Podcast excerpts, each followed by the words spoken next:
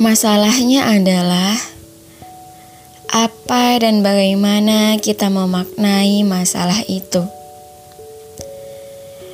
Ketika masalah datang, katakan kepada dirimu, "Saya menyadari tanpa menghakimi apa pun." Percayalah, jawaban apa pun yang datang ketika dalam masalah tidak pernah menjawab, karena memang tidak ada jawaban saat itu. Sedih dengan sendirinya berlalu jika kita mengizinkannya berlalu. Biarkan kesedihan menentukan waktunya. Ingat, semakin kita memikirkan kapan kesedihan itu berlalu, kesedihan akan semakin kuat.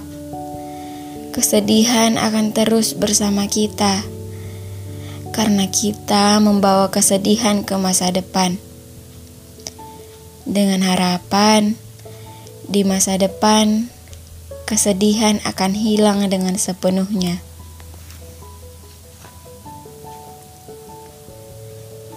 Jangan menangis terus-menerus.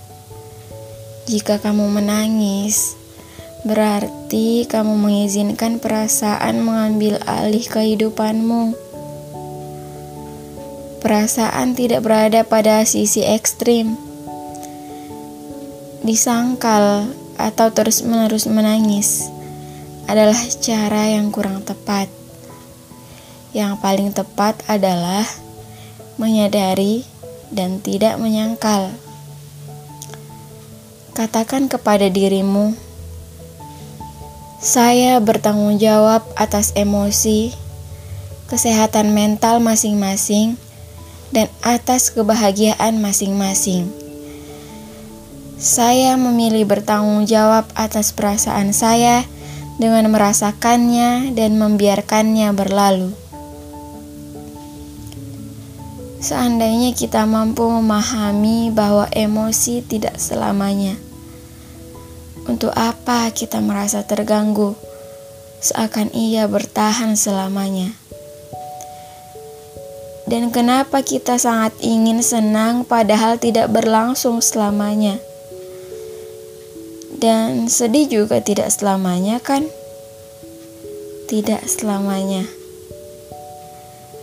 Kesadaran akan hal ini membawa kita pada perspektif bahwa kamu diamkan pun kamu baik-baik saja. Hidupmu baik-baik saja.